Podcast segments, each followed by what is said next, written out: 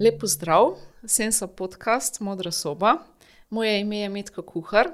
V veselje mi je, da danes gostim dr. Lucijo Čevnik. O, dobrodošla, lepo pozdravljena. Lepo zdrav, hvala za povabilo. O, ja, Lucija je um, doktorica sociologije in moram se pohvaliti, da je moja doktorantka iz leta 2015. Um, je pa tudi specializantka lakanovske psihoanalize, publicistka, svetovalka, avtorica knjig, ki jih vidite tukaj na moji uh, desni in levi. Um, mati hčerki, mama hčerki in hčerka mami, čudovitih knjižic.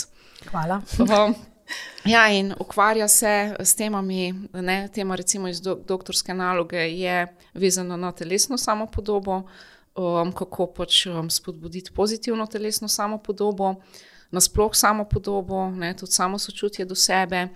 In pa, ja, Lucija je tudi prevajalka med starši in mladostniki. To rada rečem. Ja. Tudi z izkušnjami kot mladinska delavka na začetku svoje kariere. Um, ja, tako res večplastna oseba. No. Um, ja, trudim se pomagati no, na različnih nivojih, predvsem pa sebi skozi to. Mhm.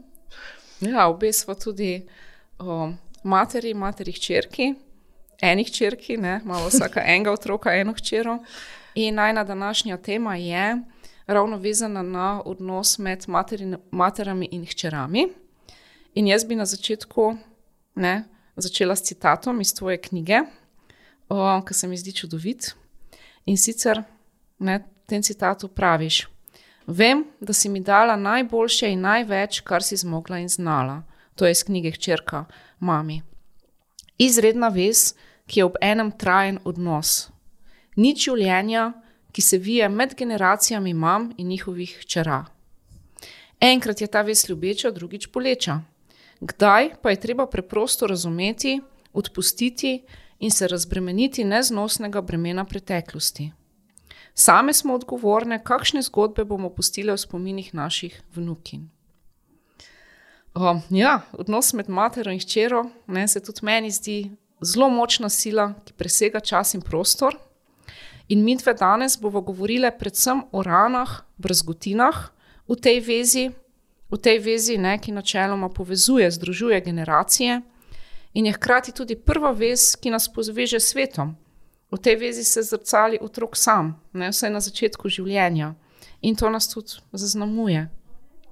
Um, trauma ne, je uh, uh, pač cikl teh podkastov. In ta izraz izvira iz grške besede za rano. Ne, Grki so ta izraz uporabljali za fizične rane, danes pa vemo, da imamo tudi čustvene rane, katerih posledice lahko trajajo bistveno dlje kot pri fizični rani. Ne, in tukaj se bom pa sposodila še en citat enega ameriškega avtorja in psihoterapeuta, res ima enakema, ki prav ena najboljših stvari, ki jih lahko naredi vsak od nas, In to ne samo za sebe, ampak tudi za svoje otroke in vnuke, jaz bi tle dodala tudi za širšo skupnost, je, da presnovi svojo bolečino in pozdravi svoje travme. Tako da nekako namen tega podcasta je, da prek razumevanja travmatičnih dinamik v odnosu med materami in hčerami, ter razumevanja tudi procesa osvobajanja od teh travm, inspiriramo čim več zgodb ljubezni, povezanosti opolnomočenja. Zdaj, za začetek, ki smo se nekako uh, fokusirali v skladu s tvojimi knjigami na odnos med materjo in hčerjo Lucija, da bomo vprašali, v čem se ta odnos razlikuje od odnosa mati-sin, pa tudi v čem je unikatnost, recimo, odnosa mati-hči, glede na odnos oče-hči, oziroma bi rekla, glede na druge primarne skrbnike, ne vedno to niso biološki starši. Ja, pri pisanju knjig sem seveda izhajala iz sebe, ne? mama, hčerki, hčerka, mami. Verjetno bi lahko kira mama, ko ima sina, to še bolj iz prve roke povedala, ampak veliko imam izkušenj tudi rekla, s terapevtskim delom, z svetovanjem in tudi vidim, kako tam stvari stojijo v odnosu med mamami in sinovi, med očeti, hčerkami, očeti, sinovi.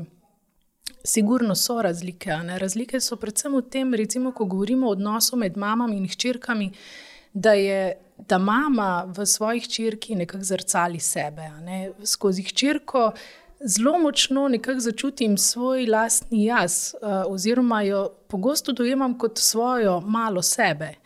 In skozi njo čutim svoje lastne bolečine, svoje lastne krivice, svoje lastne strahove, in me ob enem strah za njo, ob enem jo želim zaščititi, in nekako jo vidim kot podaljšek sebe. Na nek način kot notranjega otroka bi tudi tako rekli. Tako pravimo, včasih ne imamo notranjega otroka in del nas nekako. Tako lahko bi to tudi na tak način uh, interpretirala.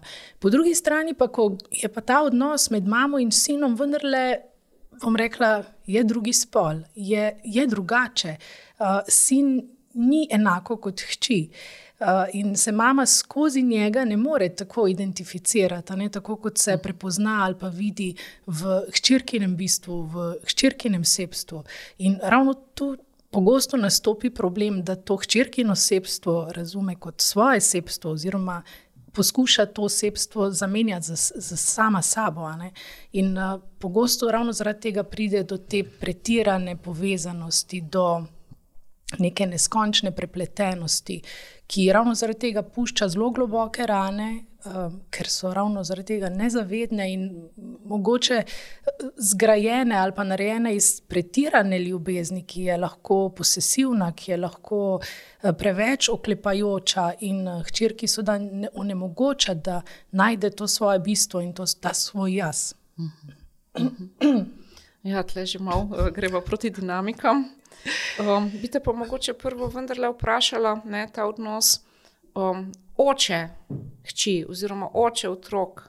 Ne, ker na nek način dan danes se zdi unikatnost matere, bom rekla, tako staromodna ali pa nazadnjaška, tradicionalistična, da hočemo tukaj iti v smer neke repatrializacije. Um, in na nek način tako da družbeno tudi zanikamo neko unikatnost uh, matere, ne? mislim, predvsem njeno čustveno vlogo, ne? fizično, tudi fizično vlogo. Ne? Vemo, da je v uh, fizičnem smislu ne? biološka mati. Ma neko specialno vlogo, ampak da nekako po rojstvu otroka um, naj bi bili pa samo skrbniki. Uh, Medtem ko ne, so tudi različni avtori, ne, v Sloveniji je zdaj tudi popularna knjiga uh, sicer z naslovom, ki meni ni blizu, krepenje po mami, izvorno je Mother Hunger, uh mhm. -huh. lakota po mami, kar se mi zdi bistveno boljši izraz. Knjiga avtorice Kelly McDaniel, ki pravi, da je pač to neka naša instinktivna taka potreba oziroma gon ne, po stiku z mamo, ki je izrazito močan v prvih, recimo, treh mesecih, oziroma tudi v prvih treh letih. Um. Ja, ta potreba po tem stiku, prvem stiku z mamo se res najbolj pokaže takrat, kadar ga ni. Mhm. Se mi zdi, da takrat potem res zazeva neka zelo globoka rana, eh, neka ranjenost, ki jo poskušamo zakrpati celo življenje. Eh, zdaj, oče je toliko drugačen, ne, da vse oče nekako ohranja tu nek red, ali kaj ne rečem, na neki simbolni ravni, še vedno. Um, v, primerjavi z mamo, ki pa je to bolj tisti nek, bom rekla, ljubeč. Um, Pristen, prvi uh, in zaradi tega tudi neskončno dolg in večen moment v življenju, tudi hčerke, ne, in seveda tudi sina. Ampak uh, ta odnos med očetom in hčerko je mogoče bolj ta zaščitniški, ne, se pravi, da oče poskuša na nek način zaščititi hčer. Um, Usmerjati, mogoče tudi. Tako, tako. Um, je bolj ta nek zunanji. Se pravi, mama le nekako vidi hčerko, kot sem prej rekla, ne skozi ta svoj nek jaz, identifikacijo. Medtem ko oče je bolj tu kot nek moment uh, zaščite, usmerjanja, teh nekih zunanjih regulacij. Um, lahko pa tudi, bom rekla, uh, prisvajanja, ne? se pravi, kot moja last.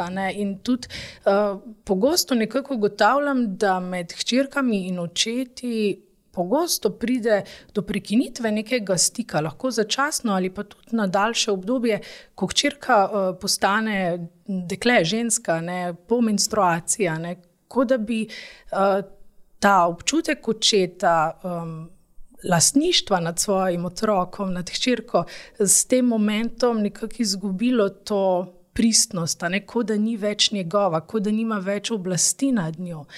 To se mi zdi, da nekako iz svojega praktičnega dela pogosto opažamo, ne, da ta stik med njima ni več tako pristen. Oziroma, včasih se tudi verjetno očetje prestrašijo neke prebujajoče se seksualnosti. Tako, tako. Ja, mogoče se oh. celo bojijo. Ne, ne vejo, kako se tam nekako uh, upravljati znotraj sebe. In je to neka oh. zadrega, nek uh, odmik. No? Ja, mislim tudi, ja, kako pa tukaj ne mislim. Nač, uh, Nač na ravni patološkega, ne? ampak na nek tako, način, tako. kako ja, če se še naprej crkljate, objemate, ja, ja. poljubljate. Ja, nekak, uh... Ampak tudi ni veliko krat to oddali. Ne? Se pravi, da ja, hčerka se ta stik. Počuti verjetno tudi zavrnjeno, ne? če na tej točki potem na nek način izgubi. Ja, pa rahlo zmedeno. Ne? Se pravi, ta odnos je bil prej zelo pristen, pa pa naenkrat ta odmika ne? in tudi nekako ne ve, kako zdaj s tem. Se pravi, mati bolj konstanta v tem smislu. Tako, mama uh -huh. pa mhm. tu, a ne mogoče še bolj takrat prevzame ta moment njene vloge razumevanja, ne? ko se dekle prebuja v žensko. Uh -huh. Uh -huh. Ja, vsekakor. Ja. Zelo pomembna. Tud, mislim, ja, meni se zdi zelo pomemben tudi ta biološki moment, ta psihobiološki moment, sploh na začetku. Ne, to vemo tudi iz raziskav, če so v tem prvem kosu življenja. Tako. Ne, ja, ja. Vsekakor ja. smo bili, recimo, devet mesecev, eno. Ne, tako smo čutili, smo trpeli, smo tako, se smejali, jokali tako, skupaj ja. z mamo. Ne? In seveda imamo te impulze mhm. -huh. že zapisane uh -huh. v mhm. svojem telesu. Uh -huh. Uh -huh. Ja, zdaj nepredelana, sploh nepredelana travma. Ne? Mislim, ja, nepredelana travma je v odnosu vsekakor navzoča, tudi če se jo ne zavedamo. Ni nujno, da se sploh zavedamo, da gre za neke dinamike, ki so vezane recimo na travmo matere. O, pa tudi, recimo matere delajo, delamo na svoji travmi, o, lahko naletimo tudi na odzive, lahko tudi zase govorim iz, ustav, iz ostankov te travme, tudi na nekih mestih, kjer mogoče tega sploh ne bi pričakovali, da nas to preseneti. Kaj je mogoče, kako se kaže travma v odnosu med um, materimi in hčerami, oziroma kaj so tiste najpogostejše dinamike oziroma ti vzorci, kako je travma prisotna v tem odnosu. Ja. Mogoče, če gremo bolj z vidika ne, za začetek um, materine travme, ne, vemo, da se travma tudi medgeneracijsko um, prenaša. Ja, se pravi, kadar je mama sama doživljala travmo in veliko krat sama sploh tega ne prepozna. Ne, in mhm. -huh. to seveda že skozi že skozi eh, nosečnost, ne, se njeni impulzi, kot smo rekli, ne, prenašajo na otroka. In um, sedaj mama pač deluje z neko svojo dinamiko, tudi vzgaja na način vsakodnevnega življenja, kako pač funkcionira. Ne, in ti vzorci se prenašajo, vede, hote ali ne. Eh, na otroka. Hčerka gleda in se uči iz maminih odzivov, iz maminih uh, poljubov, dotikov, uh, če so ali pa če jih ni. To se mi zdi to razumeva sebe. Ja, ker rečeš, Lucija, to mamini dotiki, poljubi, ne? tudi kvaliteta teh dotikov. Tako, ne, koliko je tako. mama zares prisotna, ne, koliko je mogoče njeno telo nekako zamrznjeno, koliko je nekje odsotna, ne, zaradi tudi traumatične preteklosti, nepredelane, neozaveščene. Točno to je. Kako je njeno telo sploh mehko, kako se lahko sploh čera. Otrok nasloni, nasloni na mamo, kak ja. je zvok, kak je glas, ne, kak je pogled, ne, kak je ta dotik. Tako. Ne, a je nekako um, zares tam, ne, zares tam za otroka oglašena na njega. In to se zelo čuti. To se uh -huh. zelo čuti potem tudi pri samodojemanju, kako otrok gradi odnose naprej. Ali razume uh, dotik kot nekaj, kar uh, resnično boža, kar resnično stiska, kar resnično privlači, ali pa je dotik eh, nekaj, kar odbija, kar eh, boli, kar reže. In seveda iz tega, kar se naučimo v otroštvu, potem to zrcalimo tudi najbolj, bom rekla, v odnosih z svojimi otroki in pa svojimi partnerji. In um, tudi sama, bom rekla, v svojem otroštvu ne, sem bila precej zanemarjen, čustveno zanemarjen otrok, eh, veliko sama in tudi sama sem imela potem problem pri vzgoji, kako ne, sedaj otroka spustiti v to svojo izoliranost oziroma ta nek občutek. Um, Kako najti nek prostor še za njo v tem mojem intimnem prostoru ali tem mojem oskem prostoru, ki, eh, ki je bil rezerviran za me, ki sem ga si jaz oblikovala po svoje, in kar naenkrat je bila pol tudi ona tam. Uh, to... Te prav slišim tako v smislu, da mogoče že koliko smo sploh sabo zares povezane ne kako imamo sploh tega prostora zase, ne potem je pa tukaj še nekdo, ki ima pa tudi neke potrebe. Tako, tako. Ne? in kako zdaj te potrebe uh mhm. -huh. zadovoljiti, kako, uh mhm. -huh. ga, kako ga negovati, kako ga ljubiti, uh mhm. -huh. če imaš problem ljubiti sebe, uh -huh. ker nisi tega resnično izkusil na svoji uh -huh. koži nikoli.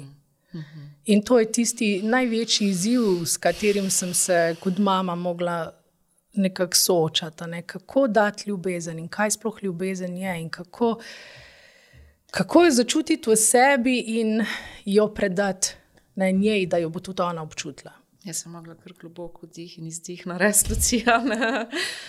Oh, Tle se spomnim na naslov um, enega dela uh, uh, avtorice. Pinkule Estes, ne? v slovenščini imamo njeno knjigo Ženske, ki tečejo z vokovi. Uh mhm, -huh, en naslov je, ne? um, stone child, ne, kot ukamenel otrok, unmothered child, kot ne materinjen otrok. Ne, na nek način, ko ne doživiš te materine ljubezni, oziroma ko je ful premalo ljubeče nege, ljubeče pozornosti, na nek način je to kot zlomljeno srce. Tako. Ne, ja. Na nek način res, kot praviš, ti ne nehaš ljubiti mamo, ker od tega si eksistenčno odvisen. Ti ne razviješ tega občutka, da si sam vreden ljubezni. Tako. In to je tisto najhujše, ker sam ne moreš, ne veš, kako ljubiti sebe. Uh, se čutiš nevrednega, nemočnega, da lahko karkoli sploh predaš naprej. In na vse se čuti kot okamenelo, ne? to, kar mhm. imaš v svojem srcu in to, kar daješ naprej.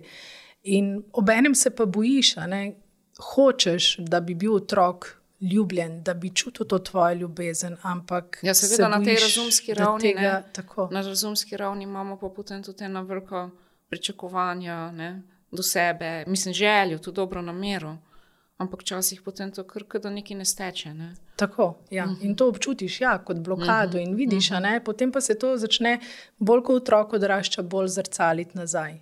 In vidiš, ne, kje so te šibke točke, kje je ta manjko ljubezni in kako je potem ta odnos res vedno bolj, bom rekla, strukturno sicer funkcionira, ampak manjka ta nit, ja. Ja, manjka ta uh mhm. -huh. nit povezanosti, manjka ta nit enega, ene bližine, res občutka neke take skonektanosti, kot bi rekla, ene take res tako, globoke, topline. Topline, take. Ja. Mhm. In to mi je bil tudi eden večjih izzivov no, pri pisanju knjige in um, tudi na vsakodnevni ravni ugrajanja odnosa s svojo mhm. hčerko. Mhm. Mhm. Ja, to si rekla, ne, čustveno zanemarjena um, hčerka, ne, si bila. Kaj so še druge dinamike? Ne? Ena dinamika je ta, ja, da nekako starš ni prisoten, ne? včasih je tudi tukaj v zadju duševna bolezen ali čist neka ekonomska situacija, Tako, ali vojne pravi, razmere. Ja. Ali, ne, ne gre za to, zdaj, da starš ni hotel nekako uh, dati, ne? da je to nekje namerno ne hotel dati, kako je ugotavljava. Ali je pa že ena veriga iz generacije v generacijo, ne? ženske, ki um, niso bile ljubljene in potem nekako. Ja, seveda ta intenca ni bila namerna. Uh mhm. -huh. Tudi jaz se trudim, ne, ja. ne namerno vplivati, ampak dejstvo je, da pač dajemo to, kar imamo. Ne, in tudi mame so dale to, kar, ima, kar so imele. Zdaj, ampak to druge... ne pomeni, da lahko damo samo to, kot smo dobile. Ne? Ne, seveda ne. ne. Ravno tu ja. je ta prostor mhm. -huh. možnosti mhm. -huh. nadgradnje, samo učenja, osebnostne rasti. Um, Zdaj, druge dinamike so še vem, uh, v smislu te, preti, te, tega odnosa krivde in žrtve, ne, uh, o katerem tudi veliko govorim. Se pravi, slovenska mati, ki je mučenica. Tako, ki se razdaja, tako. predaja. Vedno ona more nekaj narediti, uh, delati, se razdajati, žrtvovati. Nobenih hvaležen. Tako, vse to je najhujše, ne? ker noben ni hvaležen in ta nehvaležnost ne, na drugi strani vse čas ustvarja občutek krivde. Krivde in to tako neznosne, nerešljive. Ne ne? Tako, ne, krivde, ne prestano. Krivde, ki nikoli ne more oddelati te žrtve. Ne? Mamine žrtve ne moreš oddelati nikoli. Pa če se še celo življenje trudiš, ker nekdo, ki je dal kot pravi mama. Ne. Celo življenje, vso življenje sem ti posvetila, celo svoje življenje se trudim za te, ti pa poglej, ne, s kako hvaležnostjo mi ti to vračaš. Ne. In taka črka bo s to kriv doživela do smrti. Ne moreš tega oddelati, če se tega resno ne lotiš predelovati. Če ne ozavestiš, če ne predeluješ. Tako. tako, mami nikoli ne moreš ustreči. No. Se pravi, to bo ostalo odprto vprašanje do do konca. Ampak tudi matere si na ta način, ne s tem svojim razdajanjem, garaštvom, probojajo na nek način tudi zakupiti, za kupiti um, naklonjenost, ljubezen. Seveda, potem ne, še ta grenkoba noter. Ne.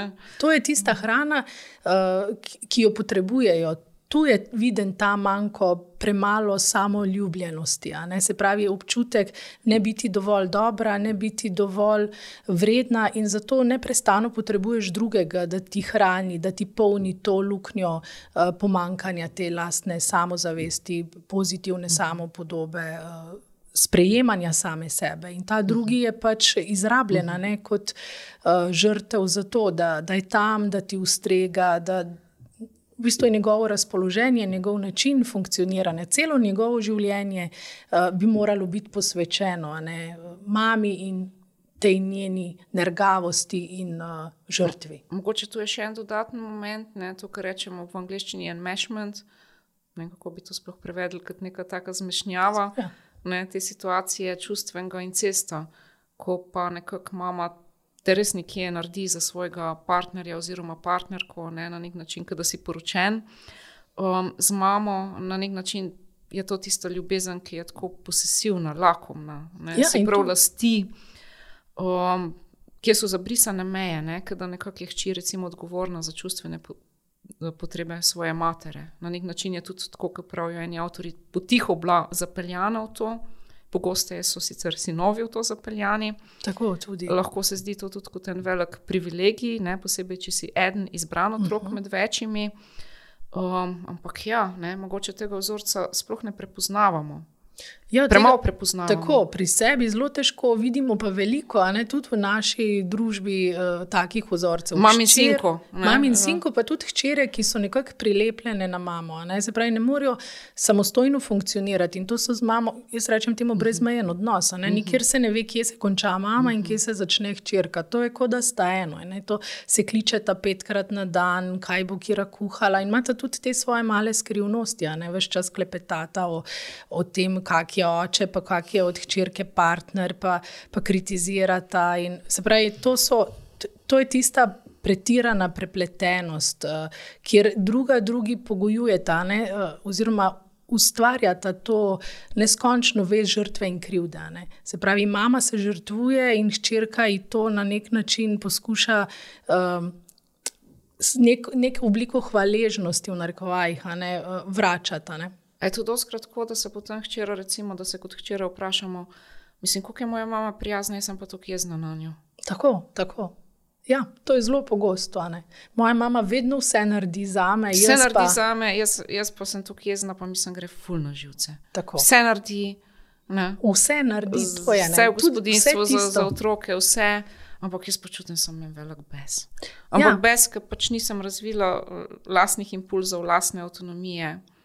Ne, neke zdrave meje ne uspevam spostaviti, potem posledično, verjetno tudi na drugih področjih življenja. Ne. Ker je mama že tu, preden da jaz sploh izrazim željo, mama že vse to naredi. Jaz sploh nisem prosla, pa je mama že kar pomeni, da že prehiteva mojo lastno željo. Pomeni, sploh ne vem, kaj si želim, ampak želim to, kar mama nudi.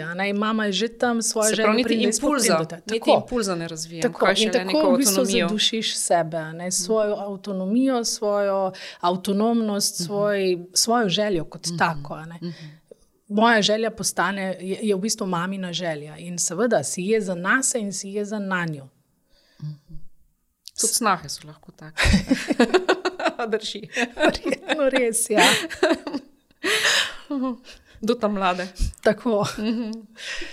potem mogoče eh, ta impuls, da še izpostavim, oziroma to dinamiko, tudi ljubosumja. Uh. Ja, tudi ljubosumje. Sploh, ko šira odrašča. Ne? Tako, in se. Ko je mlada, lepa, tako lepa, mladostna ne, in ima vse te atribute, ki jih je pri mami uh, vedno manj, ne, s starostjo. In, ampak tista mama, ki se mi rekla, zelo identificira s svojo zunanjostjo, je v takih momentih zelo uh, prizadeta. Ne, in jaz večkrat tu izpostavim ta. Uh, to uh, pravljico o Snegulčici, uh -huh. kako uh -huh. mačeha v bistvu to prebujajočo se lepoto svoje pastorke um, ne more sprejeti. Ne? Mm -hmm. In kako mm -hmm. potem pošle na njo lovca in jo poskuša usmrtiti. In prav zato je zanimiva mi ta pravljica, ta še prejšnja verzija, ne, ne ta Disneyjeva, kjer. Uh, Mačeha uh, obišče sneguljčico, preobražena v branju, ki jo trikrat obišče. Prvič prinese pas ne, in jo zategne s tem pasom. In je tu zelo taka jasna simbolika, kaj pomeni zategniti nekoga okrog pasu ne, in uh, okrog rodil uh, in na tak način ji onemogočiti uh, razvoj, uh, ženskost, ne, se pravi materinstvo. In ravno taka mama, ne, ki jo ljubosumna. Jo kastrira, tako, če bi govorili o moških, bi rekli na nek način. Tako jo kastrira in mm -hmm. na tak način njih črka ni več nevarna. Ne, se pravi, črka, ki je zavrta, ne bo iskala pozornost pri moških, moških ne, kar mami ni všeč. Ne, se pravi, tekmo za da, pozornost tako, moškega pogleda, tako konkretnih moških. Lahko. In je to ena tako zelo um, dobra prispodoba. Potem naslednjič naj jo obišče z glavnikom, tudi ženski lasje, ne, kot uh, tudi nek simbol, ne močine na zadnje. Uh -huh. uh, in uh, ženske neukrotljivosti, mm -hmm. ker lase je bilo vedno, ali je potrebno vedno nekako uh, ukrotiti, zaviti uh, v kito ali pa v figo. Tu če naše babice, bog ne da, ki je šla v šolo, ali pa metruto, ali pa metruto. Čez... Ali pa ruto, ja. ali tudi mm -hmm. v mhm. muslimanskem svetu, ali pa mm -hmm. Pokrit, po poroki. In je to tudi nekako ukrotiti to žensko energijo. Um, A ne, čarovnice so pa vedno skuštrane, to so ženske, ki se ja. niso pustile. Uh. Oziroma tudi v Disneyjevih risankah ne vidimo. Tudi te ženske, ne brejk, kako je že tista ena punčka, ki ima take lase. Brejk, ja, slike. Ja, drži, ja, ja. res je. Ja. Um, se pravi, tudi se mi zdi tu no, res toliko simbolike, kar se tiče tega ljubosumnega odnosa. In no, na zadnje pa tudi jabolko, ki je pol ali ne namočeno v strup. Ja. In to kaže na to ambivalentno ljubezen. Se ja. pravi, pol je, se pravi, mama, ki sicer pravimo brezpogojno ljubi, ampak ni brezpogojne ljubezni. Mama vedno ljubi pogojevano. Ne? Se pravi, če boš ustrezala, oziroma če boš vedno. se odzvala na te neke moje impulze. Ja, mislim, da je to tudi čist nezavestno. Mislim, če dokler ne ozavestimo, ne? Tako, dokler ne ozavestimo, probamo ja. nekako otroka tudi po nekih svojih kolupih. In tudi, če ko um, zavestimo, se mi zdi, da je to še, še vedno najtežje. Tako, tako, ja. tako spustiti, da, spustiti nekako to modeliranje kaj, otroka. Kaj prepoznamo, um. je tisto, ne, uh, prepoznamo poznamo tisto, za kar smo sami programirani, če lahko temu rečem, kaj vidimo. Kaj, se pravi, gledamo zelo selektivno. Uh, kaj je to naše sploh, okno? Tako, ja, ja. Kaj sploh opazim pri otroku? Ne? Nekdo drug, recimo oče, bi, bi videl, da, da, je, da ima hčerka neke atribute, ki jih mama sploh nikoli ni niti pomislila, da so tam. V knjigi, v knjigi praviš, ne, ne nasitno pošast starševskih pričakovanj. Ne? se pravi, tudi uporabiš eno metaforo, da mama, ne, ki je tudi zelo zaščitniška, bi kar zaprla hčero, ki je kot svobodna ptica v kletko, v katero je že zdavni zaprla tudi sebe. Ja. To se mi zdijo tudi tako močne dinamike in povezane, ne, hkrati pa tudi na nek način samostojne. Ker pravimo tudi iz neke svojega občutka neustreznosti, neuspeha v življenju. Nareči čim bolj za hčero, ne lahko imamo neke zelo tako rigidne predstave, kaj je prav, kaj ni prav, kaj je dobro, kaj ni dobro. In bi nekako tudi z dobrimi nameni hčero um, usmerjali po tej poti. In s tem nekako preprečimo, da sama najde ja. svojo pot. Tako, ne, na tak način je v bistvu zelo. Uh, zmanjšamo možnosti razvoja, oziroma jih omejimo eh, perspektivo videnja prihodnosti, ne, s tem, ko nekako posežemo z svojimi pričakovanji. In ta pričakovanja so res, res lahko zelo, zelo boleča ali pa zelo težko breme za otroka. Ne. Sama delam recimo z mladostniki, ki se pogosto srečujejo z motnjami hranjenja. In tudi ravno hrana kot taka lahko zelo pogosto predstavlja ravno ta nek rekla, simbolni odziv nesprejemanja drugega, zavračanja drugega, bruhanja pred tem pretiranim posegom v zasebnost otroka, v njegove želje, v njegove perspektive, v, njegove, v njegov način, kako sploh ta otrok, kdo sploh je in kako želi živeti. Ne? Ampak starši s temi svojimi neznosnimi pričakovanji v bistvu ga poskušajo ukalupiti in um, narediti za svoj objekt, ki sledi uresničevanju njihovih pričakovanj, njihovih želja, njihovih zahtev.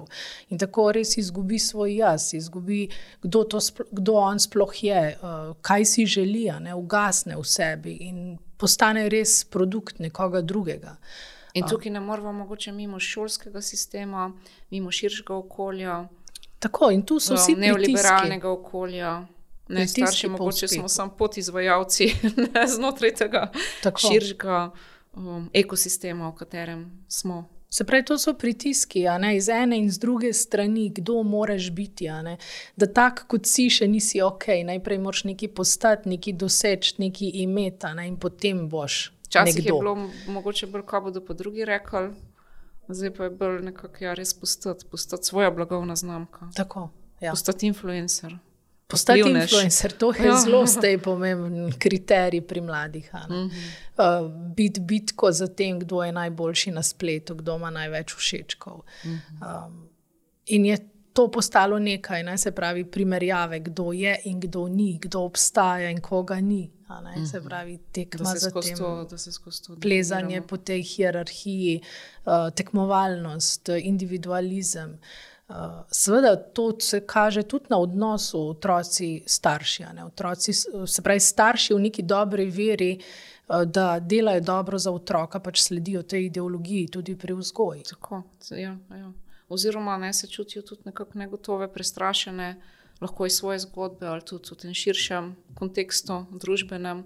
In so zato, ne, da imamo te izraze, mislim, smo jih že dolgo časa nazaj razvijali, ampak se mi zdi, da se to samo še krepi. Hiperzaščitniški starši, hiperodgovorni starši, helikopterski starši, vse več je teh izrazov. Ja, no, na katere je. smo že zdavni upozarjali. Res je. In eh, ravno to, no, sem, ko sem delala še v mladinskem centru, mi je zelo tako izgledni primeri. So mi ti mladostniki, ki so takrat zahajali tja in so bili pogosto to fanti, brez nekega nadzora, ki so kar sami skakali v krog. Ne? To je bilo precej nezaslišano.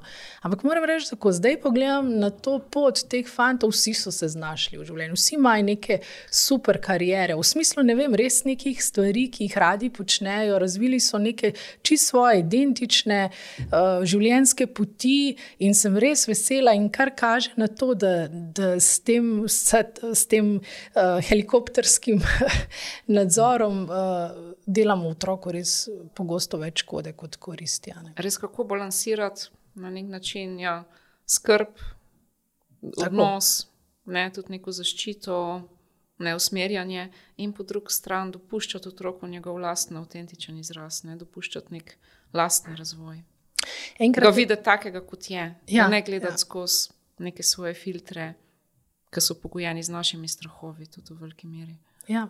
Enkrat mi je ena mama rekla na predavanju, kakšne težave je imela s svojo hčerko. Pač enostavno je ni mogla spustiti, bila je totalno prestrašena, ko je šla hčerka v gimnazijo. In uh, imela občutek, da ne bo zmogla, da, da je potrebno ji vse čas stati za hrbtom, preverjati naloge, se z njo učiti. In bolj, ko je ona to počela, večje težave je hčerka imela v šoli. In um, Šlo je tako daleč, da mama bila že vsak teden v šoli. In enkrat je ena profesorica rekla, da naj res grdo je rekla, naj se pobere domov in naj da že enkrat ščirki mir, da z njo ni nič narobe, ampak da enostavno ji ne pusti dihati. In ta mama je rekla, no, sem šla domov in res sem se trudila, trudila, da ne bi intervenirala za vsako, ne, mm, kot je prej. Mm, Rekla, da je gledala skozi ključavnico v sobo, če se hčerka uči ali ne, ampak dobro, vrat vendarle ni odprla. In pol je uh, rekla, od takrat naprej je hčerka zacvetela. Ne. Začela je res dihati. Dihat in prevzemati odgovornost, končno mm -hmm. sama zase. In vse je šlo ok, in imate zdaj dober odnos, ampak ravno ta res je bil potreben. Ne? Brez mm tega ne bi šlo. Ali bi se ta tako. nadzor, ta konstanten monitoring. In to je zelo, zelo mm -hmm. pogosto, in tudi zdaj vidim najprej. Ko, ko zdaj bi se... tudi vse ta, um, ne, um, velik staršev je tudi zelo, ko otroci uporabljajo socialna omrežja, telefon. Tako, na tisoč nekih načinov, kako ja. bi jim to zamejilo, omejili, preprečali. Tako. In tudi to, ne, zdaj veliko govorim po šolah, tudi o medvrstniškem nasilju, in ravno to se kaže. Ne. Če gledamo z vidika žrtve, sej tako otrok, kjer starši pretirano zavijajo v vato, ne more razvijati nekih skilsov, nekih Neke spretnosti. Zdrave, zdrave agresije. Tako, da se tudi... lahko zoprstavi, da lahko odreagira tudi v neki neljubi situaciji. Ne zna, ne ve, ne? vedno je mama tam zaščitniška, že mama poseže. Tri korake pred njim, ja, kot so rekli. V, kon, v kontra pa podobno, ne? se pravi, otrok kot nasilnež, ki bi pa moral prevzeti odgovornost, je pa spet to pretirano zaščitništvo. Ne? Moj pa že ne, naš pa že ne, naš ni tak, naš nikoli kaj takega ne bi naredil. In otrok bi se, razvi, bi se naučil, ne? kako neko vedenje korigirati. Um, tako pa ne, je mama že vedno tam in vedno mhm. -huh. ona to počne na mesto njega, kar totalno ni zdravo. Ne. Prej si omenila pravljico, sneguljčica. Jaz bi pa rada s tabo govorila še o teh občutkih um, zapustitve, zavrnjenosti, zapuščanja. Pa mi je prišla, ne, to mi je tako prišlo, čisto asociativno, zgodba rdeče kapice ki na nek način tudi brez staršev luta tam po gozdu, prežečem nevarnosti, proba najdete eno dobro figuro. Um, ne, recimo, ki, je, ki jo simbolizira babica, se pravi tudi neka taka žen, ženska. Um, ja, recimo starši, ne, oziroma matere, ki zavrnejo otroke, ki tudi povejo, nisem si te želela imeti. Ali pa je sam pogled, sam pogled odklonilen, ali pa dejansko se prekine ta stik mogoče še na to temo lahko kaj rekli. Nekako to zavračanje, zapuščanje, kot tudi ena izmed možnih traumatičnih dinamik, potem živi, recimo, v čerah. Tako in ravno skozi to se prenaša ta, bom rekla, hladen dotik, ko si ga prej omenila. Uh mhm. -huh. Se pravi, uh mhm. -huh. mama je tam, pa v bistvu je ni, oziroma nekdo je, ampak je prazen, ampak ne moreš se zanesti na njega, uh -huh. ni ga, uh -huh. takrat, ko bi ga potreboval. In uh, otroci razvijajo, razvijamo zelo različne strategije, da preživimo v takih. Okoljih, od tega, da si izmišljujemo kakšne navidezne prijatelje, ali da uh mhm. Poskušamo mm -hmm. najti vsaj eno osebo, na katero se lahko upremo. In če te osebe ni, potem je zelo, zelo težko mm. preživeti takemu mm -hmm. otroku. Uh, Oziroma, no. tudi idealiziramo, verjetno, mamo, manj je prisotna, oziroma manj je res za nas na tak ljubeč način, um, bolj jo idealiziramo po en stran. Ne se prav razvijamo kot neko dvojno znotraj sebe. Tako, ja, se pravi, gre ravno za to neko dvojnost. Ne? Po eni strani se bojimo dotika, bojimo se stika, po drugi strani pa si neznosno želimo, da bi ta, ta stik. Ta dotik bil tam. Se pravi, to je najhujš, verjetno. Ne? To, na nek to način ta roka, ki naj bi nas božila na, na stepe. Tako. Če govorimo dobesedno ali pa tudi metaforično. Se pravi, da je nekdo, ki naj bi bil naša figura navezanosti, varnosti, ljubezni da je za nas grožnja, ogrožajoč. Tako je, lahko je imati z nekimi tudi, nepredvidljivimi vedenji, čustvenimi stanji. Ja, ali, pa, ali pa tepe zlorabljajoča, ne? ali verbalno, ali fizično. Ja, gre za to, da enkrat je tam za otroka, enkrat pa je ni. Se spomnim tega nekega eksperimenta, ne, kjer so uh, Ker je bil otrok skupaj z mhm. mamo, potem je mama šla iz prostora, in ko se je vrnila, so nekako gledali, kakšen bo odziv. Mhm.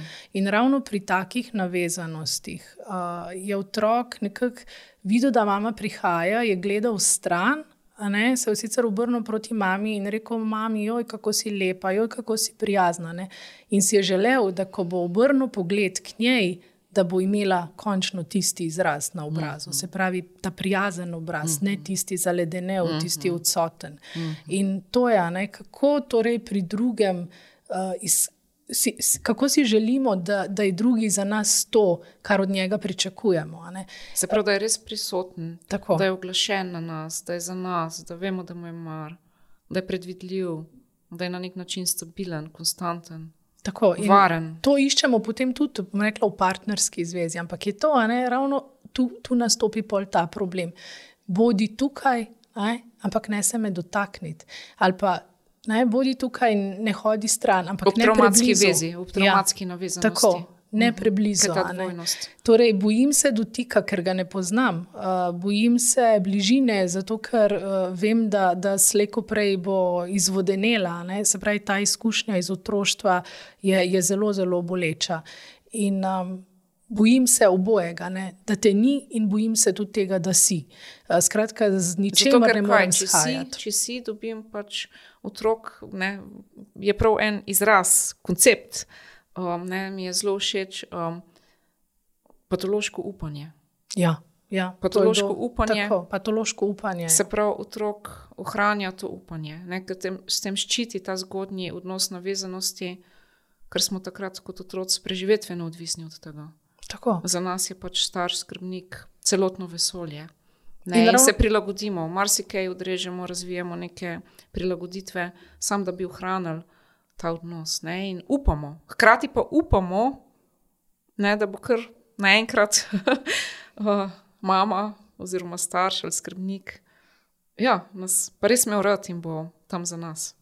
Ja, in neskončno dolgo se trudimo, in tudi ravno zaradi tega idealiziramo. ne. Ja, tako idealiziranje je del tega patološkega upanja. tako. Enkrat pa bo, Tako. vse, karkoli bom naredila, bom naredila v tej dobri veri, da enkrat pa bo mama le spregledala in me vzljubila in me bo, in me bo razumela. Ja, z vidika otroške zavesti, ne, ta otroška zavest je lahko na delu tudi v naših odraslih odnosih. Absolutno, vse za to gre. Ne? Da tega, če ne predelamo, potem imamo to nezdravo na- navezanost. Ne? Tudi. In vstopamo v odnos po eni strani eh, s, s tem občutkom, da nismo vredni ljubezni, oziroma da se za ljubezen moramo dok dokazovati, prosjačiti, beračiti, žicati. tako. Um, ali pa da, ljubezni, da ljubezen sploh ni v resnici možna. Ne? Po drugi strani pa um, ne, imamo to, bom rekla, patološko upanje, ki ne gre v up, upanje, ne gre v upanje. Tako. Praktično zelo težko pride do obupanja. Ja, ne obupamo nikoli. ne. In se vežemo potem v neke destruktivne, boleče odnose, v odnose, ki so za nas škodljivi, toksični. Se Ja, seveda, ne, bojimo se tiste pristne uh, zaljubljenosti. nave- Mislim, zaljubljenost je še ok, ampak uh -huh. ko pride pa do bližine, potem pa nam ni več ok. In uh, se mi zdi, da ravno iz te take nezdrave navezanosti izhaja tisto, ne, ko marsikatera punca, pa tudi fant reče, ne, zelo sem bila noro zaljubljena.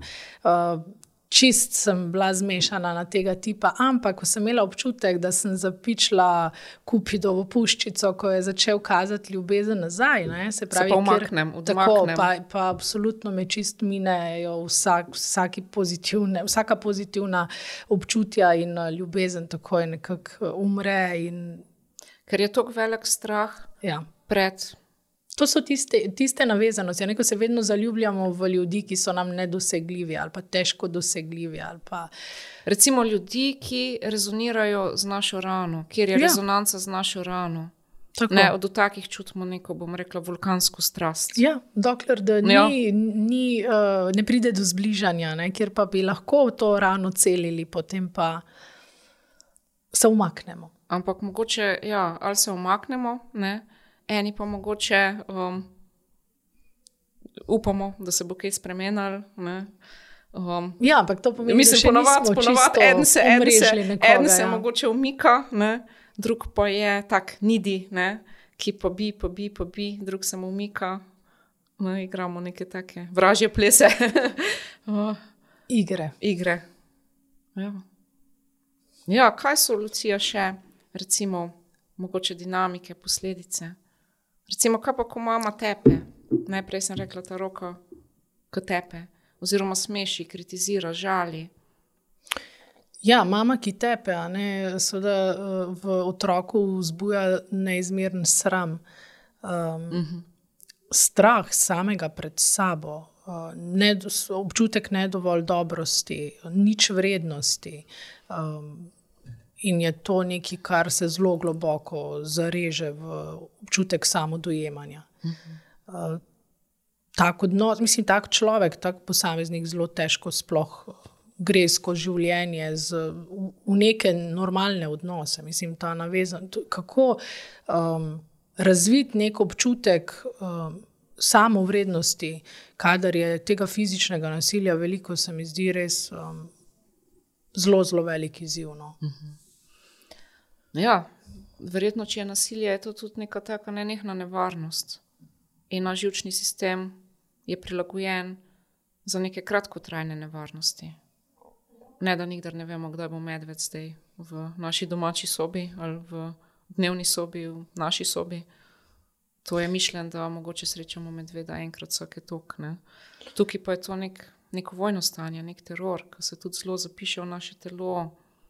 Na žilčni sistem. Ja, najhujše pa je, da to pol iščemo. Ne? Neke take pa. To nam je poznano, ja, ja, da, da res zelo veliko krat grejo ženske ne, iz takega fizičnega nasilja v, v partnersko nasilje, ne, ker se potem to odraža, v, v ta, ta isti odnos se odraža potem tudi v partnerstvu. Pa je to zato, ker ne prepoznamo nevarnosti, ali ker so nam sicer ti odnosi dolgočasni, kako ti to gledaš? ali ker vseeno upamo, da se bo nekaj spremenilo, če že nisem mogla spremeniti svoje mame. Ne bom pa zdaj uporabljal vse svoje žolje, kar jih imam. Ja, in se bo potem partner spremenil, in bom jaz dokazala, da sem pa vredna ljubezni. Ja, v bistvu pravzaprav sama sebi vse čas potrjujem to, ne, to moje prepričanje v sebi, da nisem dovolj dobra da nisem ok in da na koncu razmišljam celo tako, ne, zato ker sem slaba oseba, ne, celo življenje so me pretepali, vse ni čudno, da me tudi partner, vse očitno si to zaslužim. Ampak to je tudi lahko zelo nezavedno. Ne? Seveda, ja. uh mhm. -huh. to večino uh mhm. -huh. se zgodi, ko to zavestimo. Ko to zavestimo takrat časih zmoremo, da gremo. Ne? To je že mogoče en tak zelo pomemben korak, ne? ko razumemo to, ne? ko prepoznamo vzorce. Ja. Uh -huh. Brez tega samozavedanja uh mhm. -huh. ne, je skoraj nemogoče, da uh -huh. nekdo izide iz takega uh mhm. -huh. odnosa. Se mi zdi, da se to potem uh mhm. -huh. kar cikla in traja in se samo predstavlja iz ene veze v drugo.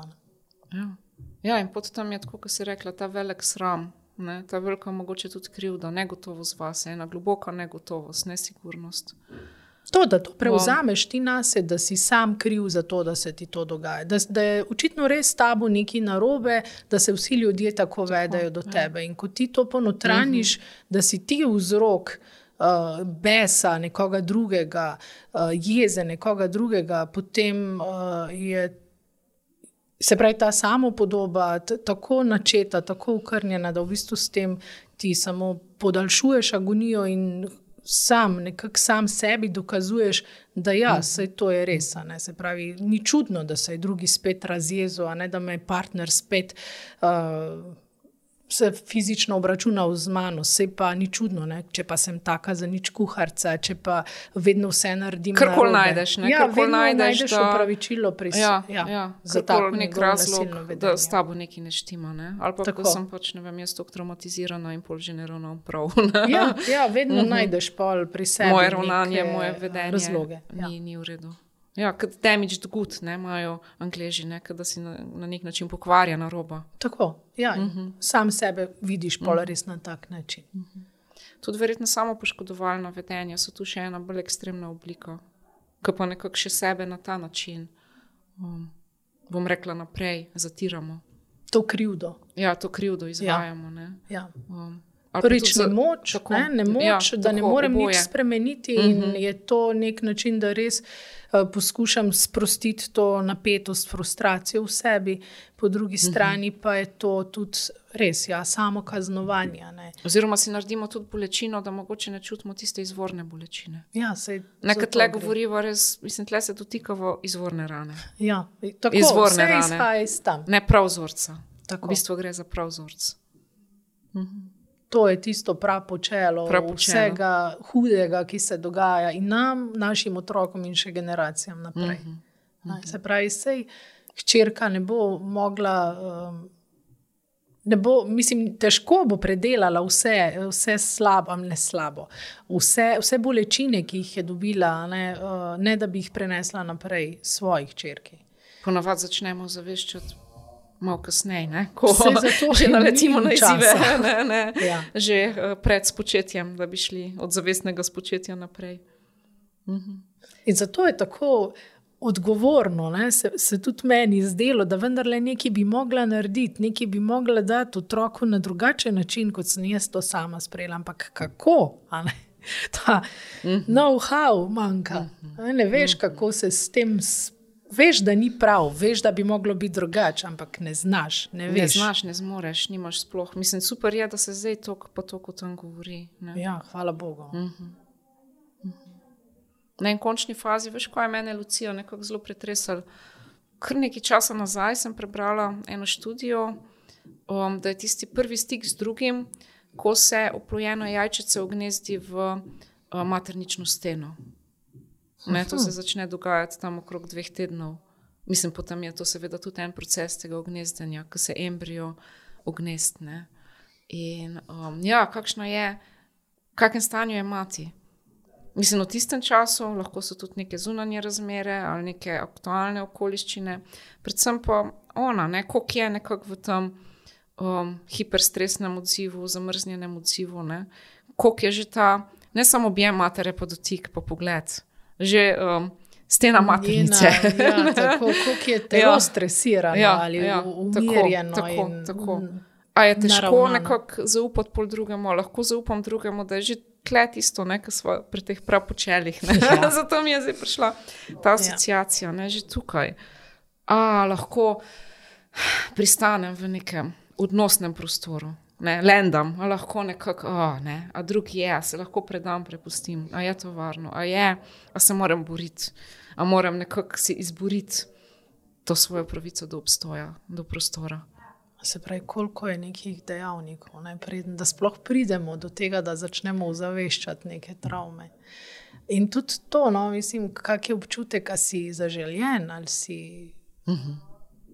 Uh -huh. Tudi to je nekaj, A si zaželena, se te veselijo? Tako. A, a, a, ne, a se te ma, pač tvoje okolje veseli? In to so res tisti, A si jim breme? odzivi, A ki si jim breme, a se- si jim odvečo, ne, ko mi handlejo sabo? Ja, to, to je tisti uh Mhm. -huh. prvi odziv. Uh -huh. ne, prideš v svet, odpreš oči in tam ni nikogar, in te nekdo grdo gleda, in te ne želi hraniti, in te želi pustiti v bolnišnici. In... Ali je pa odsoten? Mislim, da skrat nekako vse gre fino, ampak mi je porod tako težko preizkušnja. Recimo, da je mati ne kot rečemo, disocirana, na nek način odsotna, zares, ker je to bil ne, en tak res šok dogodek. Ne, in za otroka šok dogodek, za mater šok dogodek.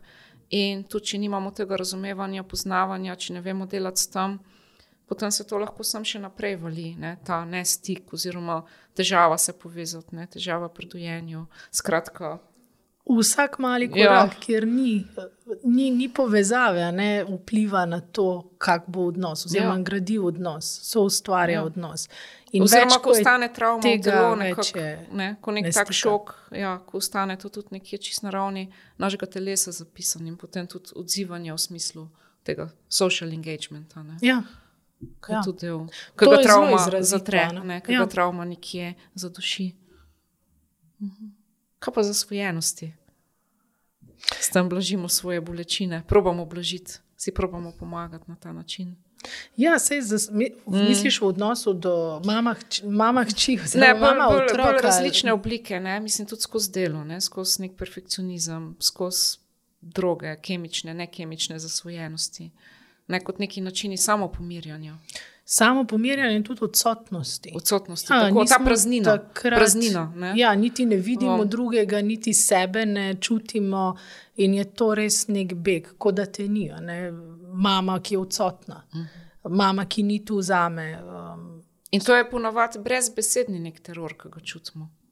Se to, o tem se mi zdi, da bistveno uh -huh. premalo govorimo, o tej nekem molku, uh, o, o vsem, kaj se dogaja v odnosih, v otroštvu. In tudi kasneje se mi zdi, da ko hčerke želijo uh, razkrivati neke svoje. Traumatične izkušnje iz preteklosti, ker pač imajo intenco, da se je nekaj vendarle moralo takrat dogajati, ne glede na posledice, ki jih zdaj čutijo v odraslosti, mm -hmm. in poskušajo nekako mame, to se pravi, pogledati vsaj z neke res dolge časovne perspektive nazaj in poskušati razumeti neke stvari, je to nekaj, kar je tabu tema še vedno. Mm -hmm. Se pravi, to mm -hmm. mora biti prekrito, o tem ne govorimo mm -hmm. in ta nek mok čez vse, se mi zdi, da je tako zelo prisoten v naši družbi. Ne? Kako ne, ne vedeti, ne slišati. Če smo v tem krščanskem, nekaj prvo, prvo v desetih božjih zapovedi sem si prav napisala: Spoštuj svojega očeta in mater, da ti bo dobro in boš dolgo živel na zemlji. In rodiš se z izvirnim grehom. Hkrati se pa recimo materina ljubezen ne čuti, ne občuti dobro. Ja. Zdaj, dobro, v krščanstvu predvidevam, je to mišljeno zelo simbolno, ampak beremo pa to precej dobesedno. Ja. Oziroma smo to tudi tako naredili. Da...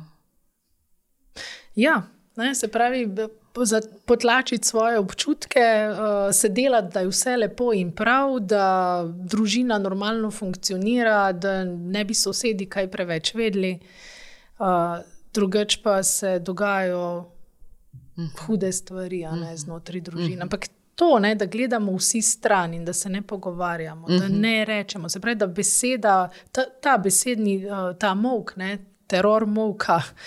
Um, je um, zelo prisoten. No. Ja. In hkrati gre za implicitne spomine, se pravi za spomine, ki niso stvar našega zavedanja. Te stvari, ki se nam dogajajo v prvih nekaj letih, so upisane v telo, so utkane v naše telo, v naše celice, v naše nezavedne odzive. Ja tudi za krčenje. Nimamo tega spomina. Ja, to se tudi, uh -huh. tudi recimo, pri težavah s spolnostjo ali pa s to nesproščenostjo. Ne, imamo lahko to zelo močno zapisano, da smo bili mogoče spolno zlorabljeni uh -huh. v mhm. zgodnem otroštvu. Ne, pa, uh -huh. Se to mogoče kaže pol, kasneje. Pa enostavno, da ni bilo tega ljubečega dotika in pozornosti in prisotnosti. Tako. Uh -huh. Tudi to. Veliko načinov. Uh -huh.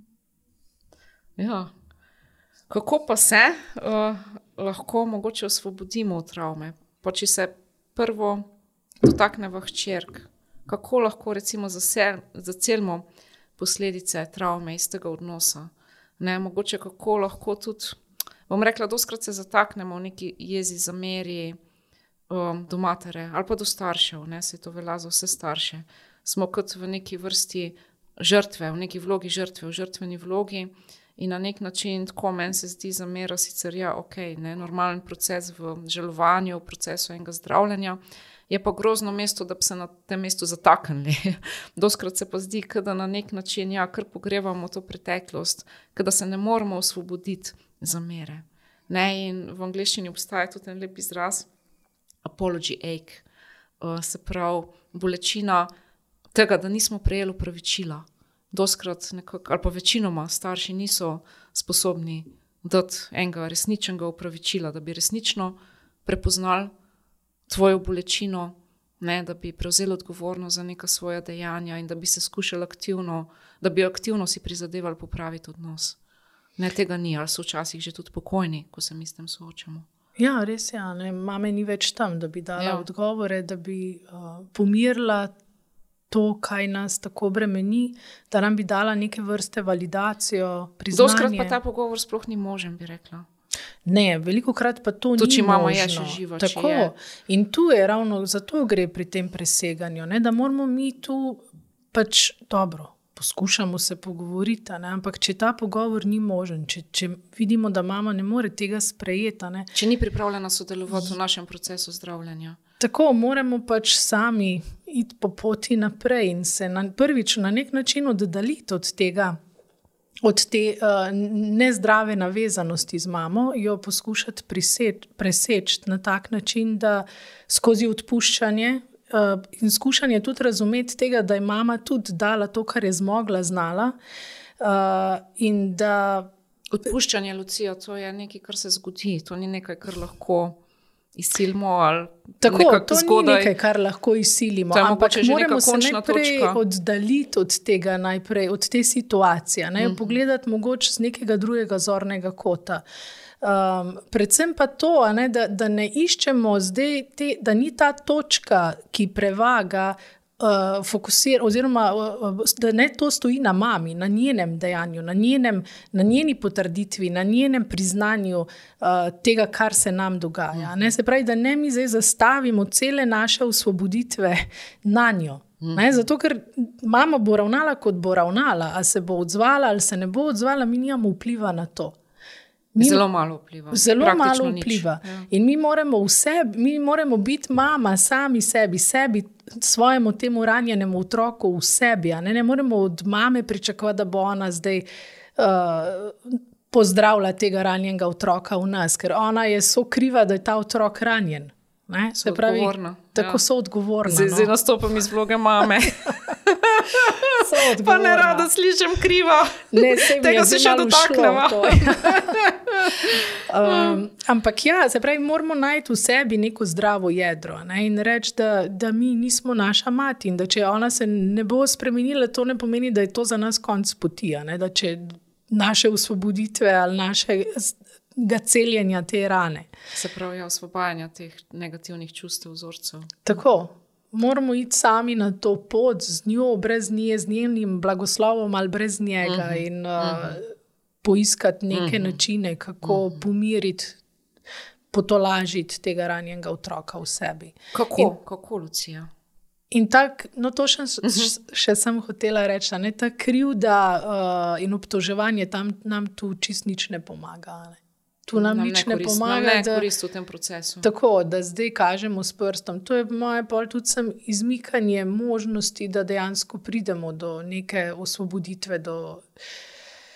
Kako zdaj to narediti? Um, je, ne vem, mogoče meni je to pomagalo ravno skozi to knjigo. Kaj te je pomagalo? Skozi ja, to, to je neka samo refleksija ja, tega, kaj aha. sem jaz dobila in kaj dajem naprej. Predvsem Ampak tudi to... ta sporočila se mi zdi kaj bi želela slišati, pa kar nisi slišala. Tako, to je ravno to. Ne, ne, pravi... tudi v terapevtskem procesu predstavljamo idealno mamo, idealno rojstvo, ne, neke situacije, ali pa ne, da ta ranjen del damo. Jaz ga dam med uh, psičke, pa smešicu, ne, ki je ena sama ljubezen.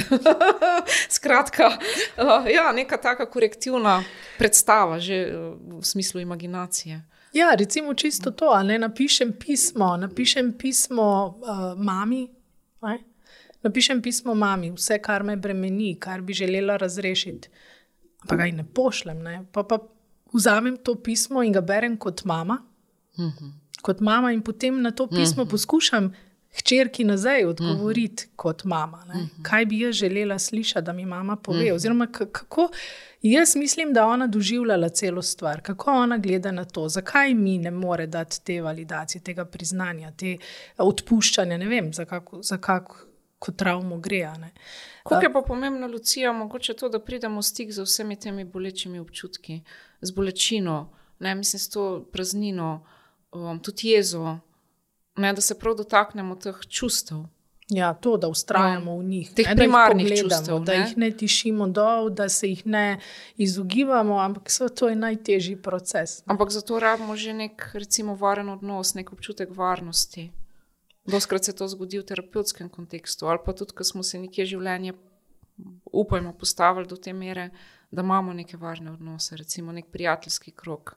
Tako, je da so tudi to korektivne izkušnje, ne samo da si v glavi predstavljamo, kako bi bilo ali kar bi želeli slišati, ampak da imamo tudi neko relativno bolj varno, stabilno in um, predvidljivo, recimo, podporno okolje. Sigurno, ne, sej, Če nam to uspe. To je tista pot, da iščeš pol neke terapije, terapeuta, pogovor najprej, um, na svete, kako.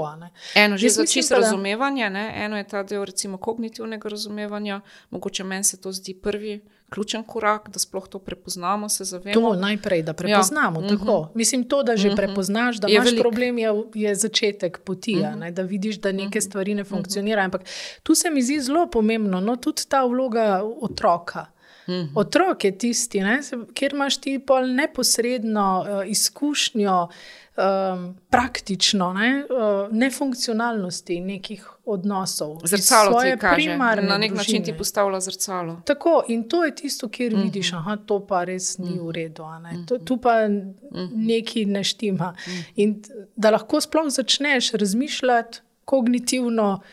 Um, poskušati definirati, kaj se dogaja in seveda pol iskati uh, neke poti za razrešitev tega. Seveda terapije so, so super stvar, ne sploh, uh, da dobiš tudi neko samo refleksijo, pa tudi refleksijo od terapeuta, kaj In se tudi odnos. dogaja. Tudi odnos v končni fazi je to model enega varnega odnosa lahko. Zaupanje, Zaupanje. ki ga nisi bil Mhm. deležen. Mhm. In In da tudi- se dotakneš teh nekih svojih um, potreb, ki niso bile zadovoljene. Ravno potreba po, recimo, tej ljubeči neki, po varnosti. Ne potem, da bi nekdo te sploh videl, slišal, Po sprejetosti. spre, da bi bil sprejet. Ja. Mhm. In tudi ta občutek, da, da si vreden, da ni s tabo vse narobe, da je možno, da kaj narediš na sebi in spremeniš. Da je vsak trenutek v bistvu lahko nov, nek nov začetek, ne? da ni še čisto vse izgubljeno. Tudi to, no, se mi zdi, včasih ljudi to pelje v neko bup, ne? vse sem zavozila, otroci so že odrasli, nimam več kaj, šli so. ne. Ja, in žal se večina odnosov. Um, kjer recimo ta posesivnost zelo prisotna, ljubosumje, uh, ta občutek, ne, krivda, navezanost, eh, oziroma krivda žrtev, niti ne. ne. Se mi zdi, to je res tak brezmejen odnos, ki kar traja in se ne prekine nikoli. Tukaj gre Težko, za no. neke meje, ne? učenje postavljanja nekih zdravih meja. Ja, verjetno. ja ampak. Um, No, to, to sem mislila reči, da, da to je zelo pomembno, da, um, da najdemo pol pot, mogoče tudi do, do odraslih otrok, ne še vedno je možnost, da se zbližamo. Ampak to je pa tudi vloga mame zelo pomembna. Ne, kako se bo, a bo spoznala ne, te neke svoje. Tukaj lahko mama naredi zelo veliko. Tako se mi zdi, da je mama tista, ki, ki išče pot do odraslih otrok, ne otroci. Mislim, otroci so se že trudili. No? S- Otroci so se že trudili, ampak očitno ni bilo, ni bilo stika. Ja, redko pa pride do tega. Veš, zdaj, ko to govoriva, se spomnim, slovenščini je prevedena ena knjiga, ki je pogovor med to slavno Oprah Winfrey in enim neuroznanstvenikom, um, otroškim psihiatrom, Bruceom Perryjem, uh, tudi o travmi, tako kot v obliki enega dialoga, in na koncu potem Oprah pove, da je ona bila nekako ob smrtni posteli svoje matere. Ne, in da nikdar ni imela dobrega odnosa z njo. In potem ne, v tisti kliniki so imeli neke nasvete, kako naj pač ravnaš, ko oseba ob tebi umira. In je potem ona začela frenetično tisto brati, ona opra, ne. kaj jo cel svet pozna. Ki vnaša ne vem, kva vse, ne ljubezen, duhovnost, ni da ni. Ne. In to ne, ne dolg nazaj, ne. potem pa tam ob svoji umirajoči materi, kaj naj naredim, kaj naj rečem, kako naj sem. Tako, malo za perspektivo. Ampak no, nočem zdaj nekako negirati, da je to praktično nemogoče doseči, ne? zelo, zelo, zelo veliko se da, ampak hkrati je pa to tudi en tak proces, ne? dolgotrajen, kompleksen. Tudi to odpuščanje, ki smo prej rekli, moj občutek je, da to tako prihaja po nekih fazah. Ne, organsko, mogoče mora priti, ne, ni to, da kar naredimo, ampak hkrati so to kar ene faze tega odpuščanja. Ja, odpuščanja mami se mi zdi, mami lažje odpustim s tem, ko, ko, ko uzrem sebe kot mamo ne, v odnosu s svojo hčerko. Uh -huh. Se mi zdi, da je to zelo pomemben uh -huh. moment, ne, da vidim, kako meni ne gre, ne, da tudi verjetno ni marsikaj ni šlo, ni zmogla, ne, ni znala, ni vedela. In tudi jaz, ne, kako, kako, kako vpliv imam, ne, pa kaj lahko sploh naredim. Pa kako je včasih res težko navezati nek stik, ne, sploh če se bojiš pretirane bližine. Um, in spoznavaš to ravno skozi odnos s svojim otrokom, da je super, če je tam, ampak da če smo pa pretirano, pre, če smo preveč blizu, pa tudi ni dobro. Tukaj zdaj že bolj prehajamo na, na nas, matere, mislim, v tej vlogi. Ja. Ja. Kaj lahko naredimo, da ne prenašamo lastne travme, recimo na hčere, oziroma tudi kako se razbremenimo svojega občutka krivde, slabe vesti, ki verjetno kar en velik del nas si marsikaj učita, same sebi, ne nas najeda, recimo, neka krivda, da nismo bile dobre mame ali da nismo dovolj dobre mame, da smo naredile neke preveč napak ali prevelike napake, ker pač otroke imamo običajno, ko še nismo tako reflektirane, ko še nismo tako v stiku s sabo. Tudi ponovadi se ne gremo nekega zavestnega partnerstva od začetka, ni neke širše podpore skupnosti v teh današnjih časih. Skratka, kako lahko mogoče tudi sebi odpustimo. Ne, kako A, lahko sebe sprejmemo izziv. v smislu za te pretekle napake. Ne? Včasih mogoče smo tudi do sebe, ker smo preveč kritični. Ja, sigurno. Ne. Mislim, to je velik izziv. Do sebe smo sigurno preveč kritični, sploh zdaj v času, v kakrem živimo, ne, kjer nam pač tudi družba sugerira to super žensko, ki moraš biti, ne vem, odlična mama, zgledati fajn, imeti super kariero, biti uh, uspešna na takih in drugačnih področjih, poduhovljena. Skratka, Super ne. partnerka. Ja, odlična, ne, na, na, na najrazličnejših ja, ja, ja, področjih. In Mhm. seveda ne te najeda ta občutek, ne, da to pa ni v redu. a iz šole so me klicali, nekaj ni ok, mislim, kakšna mama sem. K, Mislim, skratka, ta občutek krivde je zelo, zelo hitro prisoten in tudi se zelo globoko zaje in ustvarja nek dvom v nas, eh, kako se lotiti, kako biti drugačna. Ampak eh, mislim, ne smemo biti preveč zahtevne do sebe v tem smislu, da ja, sej, mislim. To, kako se zdaj nekako starši trudimo tudi za svoje otroke. Ne, kako, uh -huh. mislim, iti skozi neko zavestno, ozaveščeno starševstvo, se mi zdi, da je to tudi nek fenomen v družbi, ko ga še ni bilo. Ne? To, ko se starši sprašujejo, koliko je zdaj knjig eh, na to temo, kako biti drugačen, boljši, bolj sočuten, bolj prisoten starš. Kar na nek način mogoče, ne, ko, ko je ta ideologija tudi nekega super, perfektnega uh, materinstva, materinjanja, starševanja. Ne, Ja, to je tudi zavajajoče, ja, ne, da ne pretirano Tudi en velik, velik pritisk, ne, ki se lahko poveže tudi z nekimi našimi že strukturami, ne, da smo perfekcionistični in na nek način potem spet svalimo, bom rekla, otroka, ki je pred nami. Sploh, če hočemo Ja, ravnati po vseh teh nekih tako, smernicah, tako. navodilih. Ja, in ravno tudi če nam govorijo, smer, poslušajte ja. notranjemu glasu in boste čuječni. Ampak če to nekako izvajamo, um, vprašanje je, koliko je res stika s sabo in z otrokom. Ja, ker Če to frenetično nekako se gremo, vse te neke prakse, ne, ki jih je dan danes, ja, tako kot praviš, ne broj. Ja, in je to nekaj, kar enostavno nas uh, zmede. Ne? Ja. Um, in ja, pol, bolj vidimo to prakso, kot pa otroka pred sabo. Sigurno ga ne čutimo, uh Mhm. -huh. ampak se odzivamo v skladu z nekimi načeli vzgojnimi, ki smo jim dali neko preferenco, da uh -huh. se Mhm. bomo ni, po njih ravnali ali uh -huh. se jih držali. Ampak vseeno, no, se mi zdi, da se starši vendarle nekako trudimo biti bolj ozaveščeni, biti bolj prisotni. In Po eni strani ne, sicer je res otrok vedno bolj kot nek projekt, ki ga hočemo oblikovati, otrok je manj, vsakemu poskušamo dati najboljš, največ ne, in nas to nekako zavede.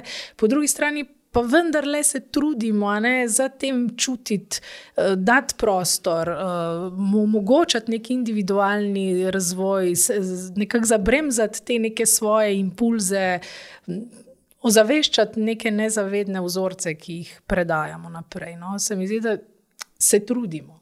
Se, se bolj trudimo, kot so se naši starši trudili, definitivno. Se pravi, ta generacija, recimo novejše generacije, da je Ja. ja. bistveno več nekako tega zavedanja, zdravljenja, lastne, čustve, prtl- lastne čustvene prtljage, Prtljage, ja. ja, lastnih nekih omejujočih tudi prepričanj, tudi kulturnih, pravzaprav nekih vzorcev.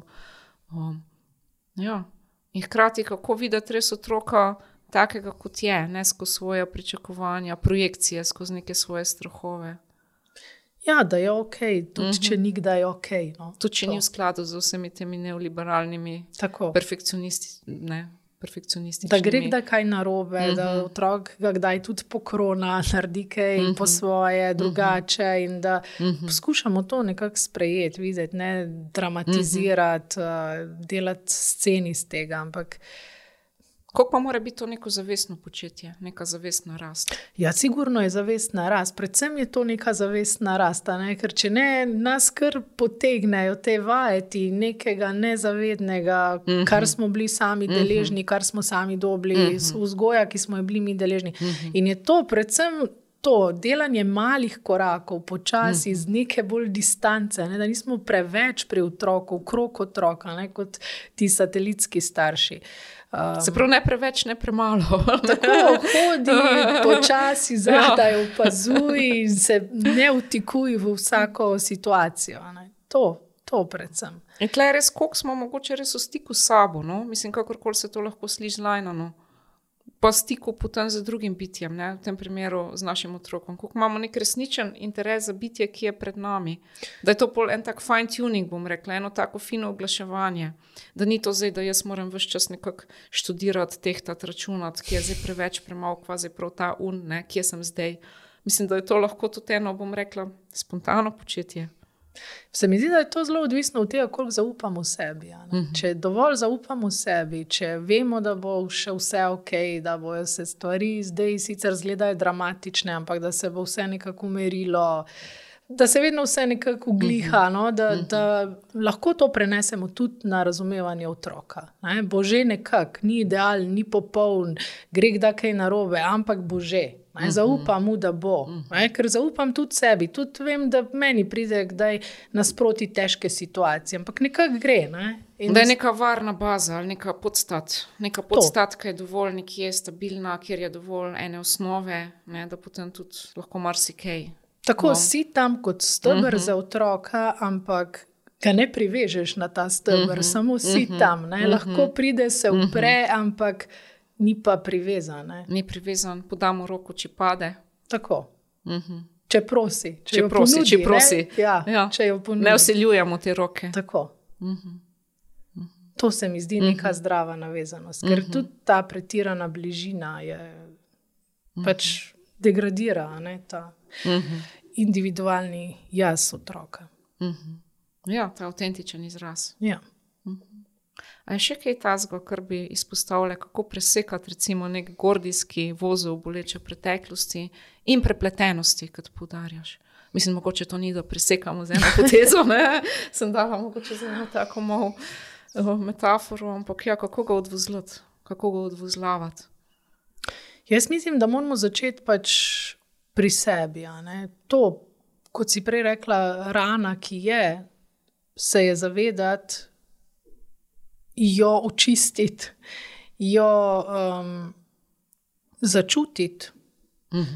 Um, in potem na tak način jo, jo postopoma celiti, v smislu, da ne postavljamo cele svoje identitete in celega svojega sebstva na to travmo, na to kot da smo zdaj mi posledica. Da smo samo travma, da, smo, da, smo, da se identificiramo s travmo. Tako, to ja, se mi zdi zelo pomembno. Ja, zagrenila nam je življenje, naredila nam je veliko hudega, bolečine, ne imamo neke simptome. Odnosov, uh -huh. Ampak ne, nismo pa samo to.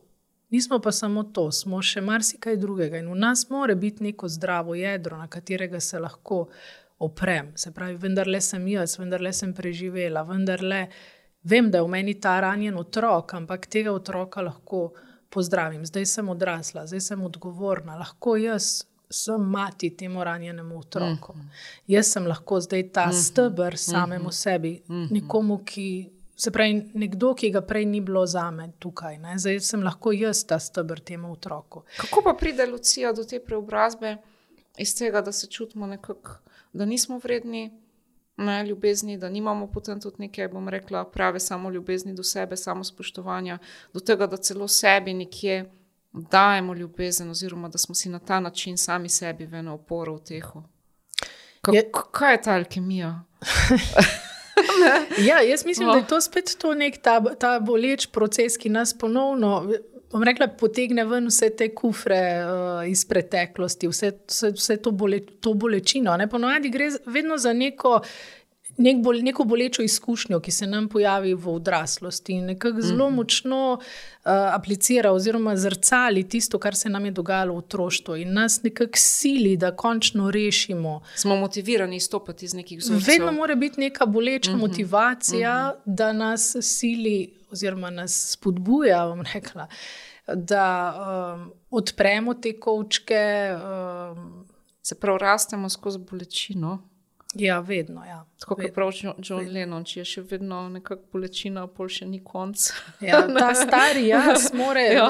skozi bolečino, ta stari jaz umre. Ko ta umre, potem lahko zraste nek nov jaz, nek zdrav jaz. Oziroma, mi rabimo tisto neko zdravo jedro v sebi poiskati. Ampak to bomo. A je to lahko, Lucija, tudi te prekinjam, lahko je to v presežnem, recimo je to lahko tudi nek, nek transpersonalni moment. Ne? Ja, zakaj ne? Um. Mislim, tudi to je zelo pogosto. Lahko se nekdo obrne ne vem, na, na neko višjo silo, Boga. ne Vem, v tem Ki vidi te ima neko, pa rada, ki te pa sprejema. Ki te sprejema takšno, kot si. Um, pa mogoče razblini tudi to neko. Osko identifikacijo z tem jazom. Ja, ja, recimo to, kaj, pa, kaj, je, sploh, aj- kaj je sploh pomembno. A? Se pravi, kdo sem sploh jaz? Um, mislim, se prijema do teh nekih res filozofskih vprašanj. Mogoče metafizičnih, ampak ne, Metafizičnih. mislim, da za bralce, poslušalce sense je to tudi uh, en ja. prostor, ne, um, s katerim rezonirajo. Tako, ne, se pravi, jaz nisem samo ta skupek teh impulzov, ki sem jih dobila iz otroštva. Sem bistveno, me- bistveno več. Tako. In uh -huh. to je nekaj, kar Na kar se lahko naslonim. in mi daje varnost in podporo in um, upanje. No? Upanje, zaupanje. Tako. Lahko v tem prostoru doživim mogoče tudi en občutek ljubezni. Ljubezni, Ljubezni, ki je ena brezpogojna, recimo v tem smislu, neka neskončna, neskončna sila, rečemo tako, o, ki poganja. in A povezuje. je to prav počelo? da ne bomo rekli, je mater hangar, lahko ta po materi prav počelo. Mislim, lahko je to naš pravzorc. Tako, zdaj smo naredili krok, krok, Mm. okoli in okoli. In ja, seveda, ne, tu se je začelo s, te, s to neko prav energijo, prav počelom, z enostjo. Z, Ampak da pa ne gremo mogoče iz teh otroških delov, tja gor, bom rekla. Ne? Včasih se lahko mogoče ti ranjeni otroški deli zelo um, zlijejo ne, z tem duhovnim iskanjem oziroma s tem duhovnim jazom in so tu tudi pasti. Mm, Kako si to mislila? zdaj? Ja, mogoče je to že dodatna tema, ne, ki jo lahko kdaj odpremo. Ne v tem smislu, če gremo iz tega otroškega nekako. Um, Kot neko iskanje neke iz nekega tega, iz, mogoče iz nekega tega toksičnega sramu, ne, lahko razvijamo tudi neko, bom rekla, grandioznost. Uh Mhm. -huh. ne, in smo mi um, presvetljeni in um, duhovno nebovzeti, um, v resnici pa nismo zares prisotni za sebe in za sočloveka. Ja, ja, ja. Se pravi, te, da te- recimo, da te primer, odnese, primer, ja, tako, ja, ja. ja, da nas nekako tle odnese. Ja. ne. E, en, ena izmed teh možnih tudi nekih adaptacij ali načinov. Ja, tudi to je lahko malo zavajajoče. Pol, ja. Mislim, vprašanje je, koliko dejansko se pol travma tu zdravi a ne, in celi. Ja, hkrati bi pa mogoče na tej točki, če počasi skleneva, ne, še prebrala nekaj iz tvoje knjige. Um, dva stavka bom prebrala. Okay. Ne, sem si jih napisala, pa bom kar oba prebrala, ker sta mi oba dva izjemno všeč. Um, to pravi hčerka um, mami, ne, mama hčerki, pardon, mama hčerki. Dregni me, naj se končno zavem dragocenosti sedanjega trenutka, minljivosti življenja in neskončne hvaležnosti, da te imam. Se pravi, res pridati v trenutek, ne, biti v trenutku. Ne, v tem trenutku je vse. Tako. Ne, in ta travma nekako ni tlen. In to je mogoče ravno preseganje vsega Tako, tega. Ne? Se tako. pravi, tu smo zdaj, Tako. jaz in ti, Tako, jaz s polnim s tabo. potencialom. Ja, vse je tu. Uh -huh. In tu so vse možnosti za zbližanje, in so tudi možnosti za razhod. Ampak kaj bomo iz tega vzeli, kaj bomo iz tega naredili, uh -huh. odvisno od nas in od uh -huh. tega trenutka. Uh -huh. Torej, vedno je možnost za stik, za zbližanje, za povezanost. Ampak tu morajo pasti tisti naši tabuji, tiste naše, ta naš ego. ne. Spone. Spone. Ja. Tako. In tu uh -huh. moramo pač dopustiti ne, tudi drugemu, da, da je tam in da smo mi tam zanj in da je ta stik možen. no. Kozbek ima eno lepo pesem. Jaz in ti, ne, ne, ne vem jo povedati, ampak mi pride, smo tukaj, ne, en drugemu neznanka. Jaz in ti, nekako v tem smislu vse je možno, ne, mogoče za kak drug, ampak res prav, koliko je iz tega trenutka enega srečanja. Ja, Ja, in se mi res zdi, no, da tudi s travmo ne, prevečkrat tavamo v preteklosti in prihodnosti. Tako, Ne, nismo tako. pa tu. In Nismo če zmorem tukaj. ta trenutek in če ja. sem v tem trenutku, potem bo še vse dobro. No. še tega bom prebrala. Okay. Ustavi misli. To je velika modrost. Ne? kar si napisala, upočasniti svoje misli. Um, poslušaj sebe in začutila boš druge. Sprejmi vse svoje občutke, tudi boleče. Vzdrži se sodbe, obsodbe in spoznala boš mir. Ne, ne vem, če je tukaj še kaj za dodati. ja, je pa dobrodošlo. Mir. Mir. Mir, saj to za to gre, uh -huh. ne, da občutimo uh -huh. ta mir, uh -huh. brez pritiska, krivde, žrtve. Mir. Jaz kar čutim, spet izdih ulajšanja tokrat.